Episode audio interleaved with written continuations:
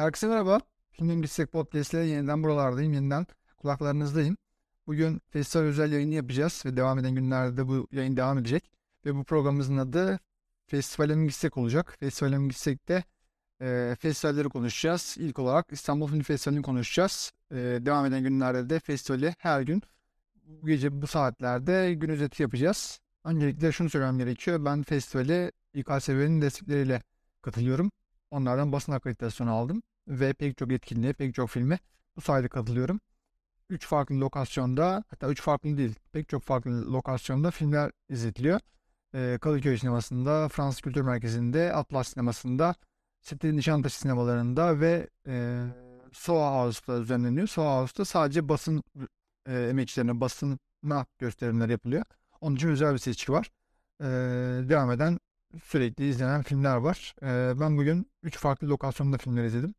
İlk olarak sabah e, 11'de Saint Ömer'i izledim Soho House'da. Sonrasında Küçük Evren'i izleyecektim ama Küçük Evren trafik yüzünden kaçırdım. izleyemedim. Sonrasında Fransız Kültür Merkezi'nde Kanun Kuvveti'ni izledim. Sonrasında ise Nişan sonrasında ise Nişantaşı'na geçip Joyland'i izledim. Son olarak da yine Nişantaşı'nda Jane Dillman'ı izledim. 1975 yapımı. Ee, ufak ufak filmlerden bahsedeceğim. Bugünün nasıl geçtiğinden bahsedeceğim. Öncelikle sabahın erken saatlerinde koştur koştur Soho House'un yolunu tuttum. Tabii ki çok fazla trafik vardı. Zaten biraz da bunun için küçük evreni kaçırdım ben. Ee, ilk olarak saat 11'de Sait Ömer'e girdim. Sait Ömer şöyle bir hikayesi var. Yazar bir kadın davalara katılıyor. Genellikle ce ceza davalarına katılıyor. Ve davalardan edindiği bilgilerle kitap yazıyor ve başarılı bir yazar. Ee, son yazdığı kitap yeni baskısını yapmış. Yeni baskısı yeni bitmiş hatta. Yeni yeni yayın eviyle görüşüyor. Yeni bir kitap hazırlığında. Bu kitapta şu anki girdiği dava ile alakalı. Davada e, mahkemede bir kadın yargılanıyor ve 3 aylık çocuğunu öldürdüğü iddiası da yargılanıyor. Hatta iddia da değil bayağı bayağı aslında e, suç kesinleşmeye yakın bir durumda bu durumda.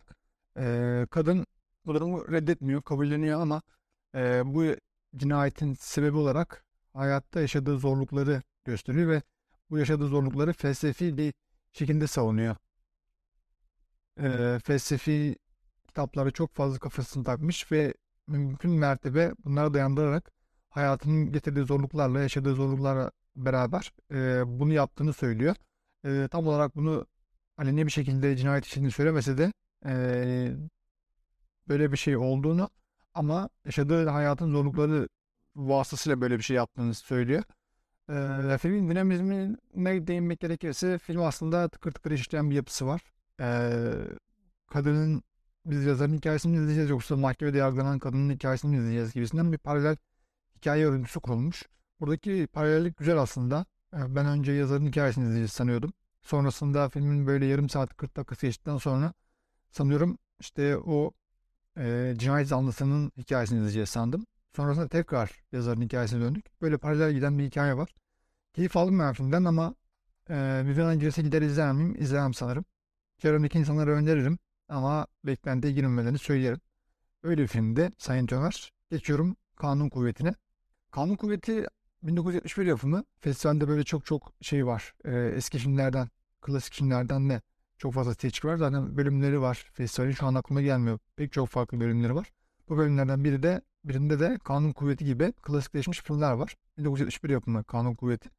Tam olarak Hollywood'un Hollywood'da olduğu zamanlar zaten biliyorsunuz 90'lar öncesindeki Hollywood biraz daha renkli, cafcaflı. Zaten 55'ten sonra 60'a beraber yeni bir Hollywood kuşağı başlıyor. Yeni dönem Hollywood akımı diye bir akım başlıyor. Zaten Kanun Kuvveti de biraz oradan gücünü alıyor.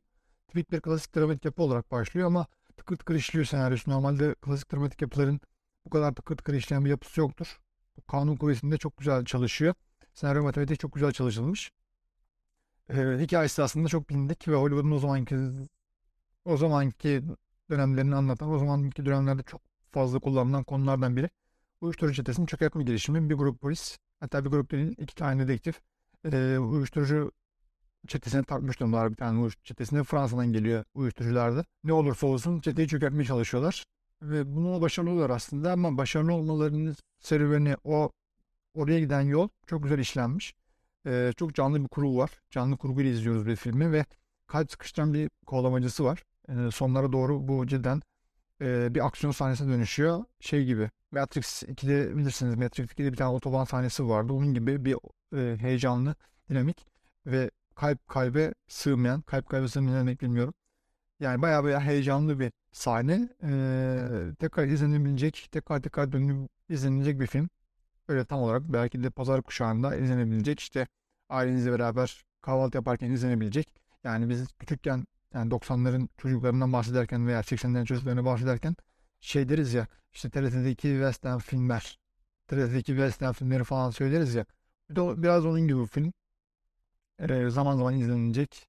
Can sıkmayan, hayata bağlayan böyle bir film. Kanunun kuvveti güzel bir film. Çevremdeki insanlara öneririm. Ee, girişte söylemiştim Küçük Evren filmini kaçırdım ben. O da sağ Ağustos'ta olacaktı. Sağ Ağustos'un e, 13.30 seansıydı. Ama kaçırdım ben.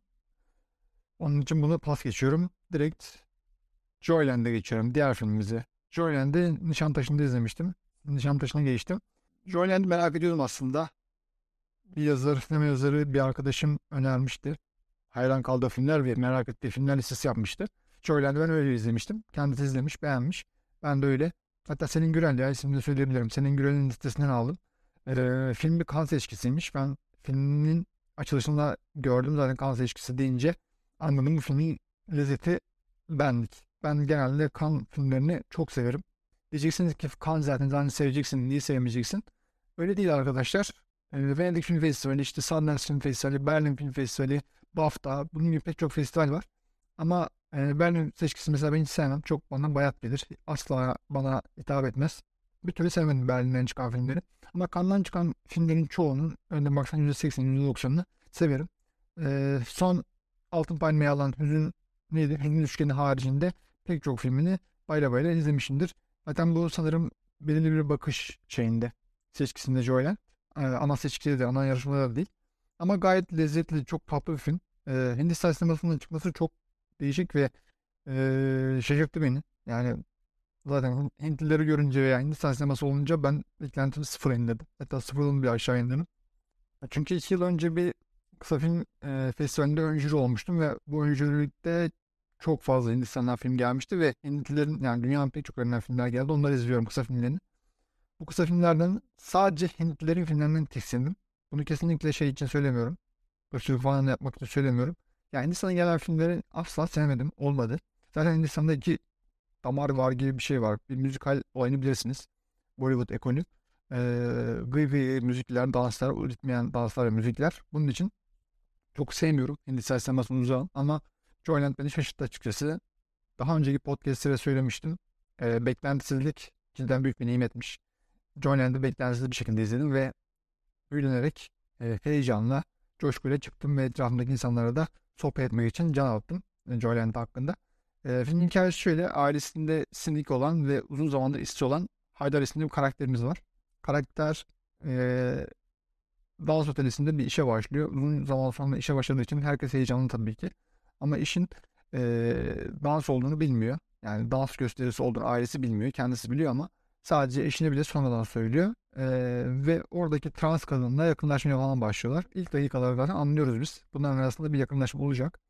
E, sonrasında ise e, tabii herkes Haydar'ın beklenti içinde. Herkes bir şey bekliyor işte. E, evlenmiş zaten çocuğu olsun, iş bulsun, eşine baksın, işte eşi artık çalışmasın, evde kalsın, kendisi ona baksın bir nasıl diyeyim e, evin direği olmasını bekliyorlar herkesten. Herkes Haydar'dan. E, ve onların beklentisini falan karşılamaya çalışıyor Haydar hayatı boyunca. Şimdiye kadar olmamış. Bu saatte sonra onu bekliyorlar zaten. Ve filmdeki herkes aslında toplumun onlara bir işte gömleği giyiyor. Haydar da dahil. Ama olmuyor yani. Hepsi o gömleği çıkarmak istiyor ama olmuyor. Çünkü toplum o kadar onları baskılamış. Mahalle e, baskısı deriz ya. Mahalle baskısı o kadar üstlerinde e, demokrasinin kılıcı gibi sallanıyor ki o gömleği asla çıkaramıyorlar. Olmuyor. Ee, hepsi aslında şey oynuyor. Üç maymun oynuyor. Benim bu aklıma direkt Nuri Bilge Ceylan'ın Üç Maymun filmi gelmişti. Herkesin ayrı bir sırrı var ve herkes Üç Maymun oynuyor.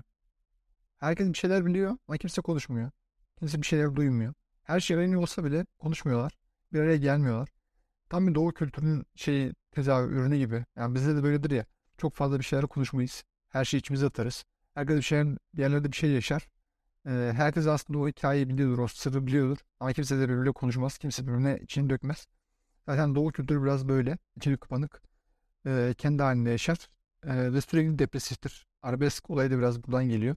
Herkesin gizlediği sırlar var bu filmde de. Ve hepsi kendilerine biçen gömleği giyiyorlar. Bu gömleği de çıkarmak istediklerinde de e, yukarılara sallanan demokrasinin kılıcı gibi e, başlarına bir şey geleceğini, yani toplumdan dışlanacağını düşünüyorlar bir yerde.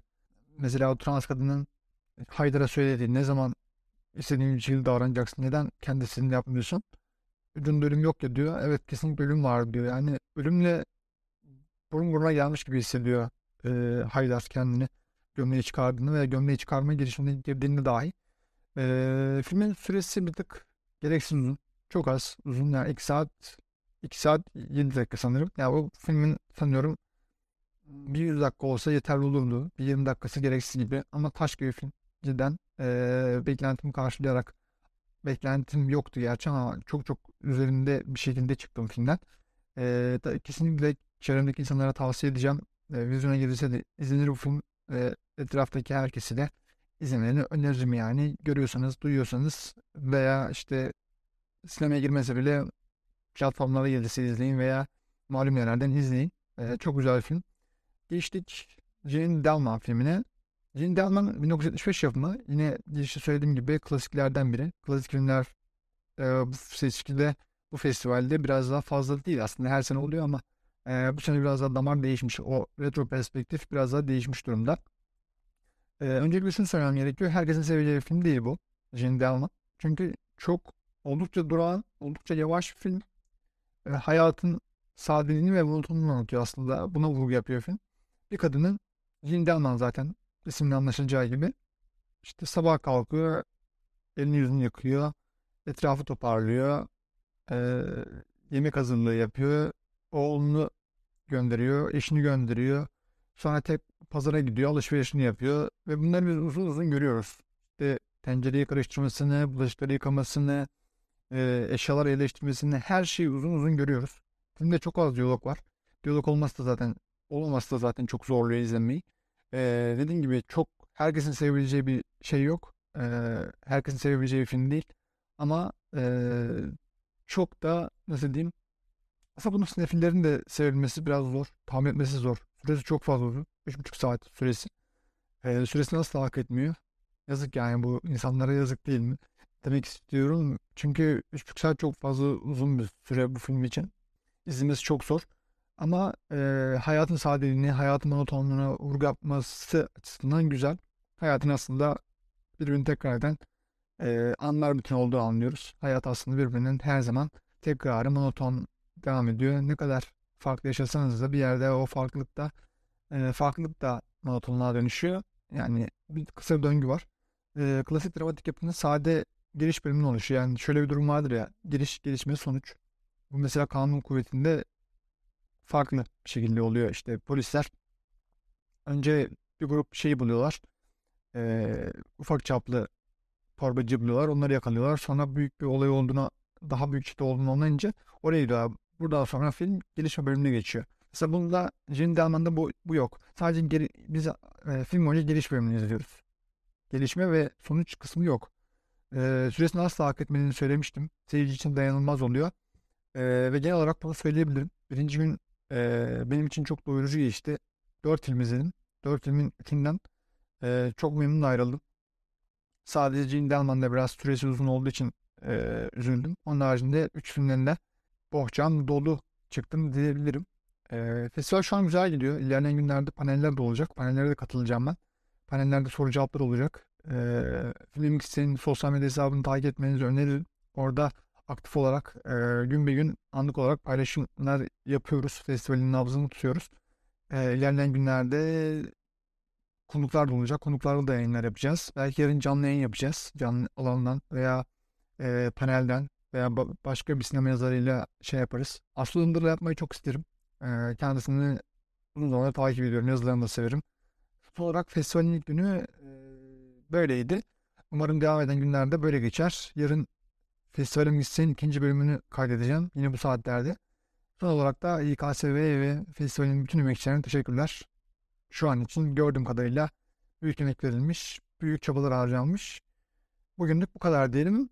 Festival Müzisyen'in yarınki bölümünde görüşmek üzere. Kendinize iyi bakın.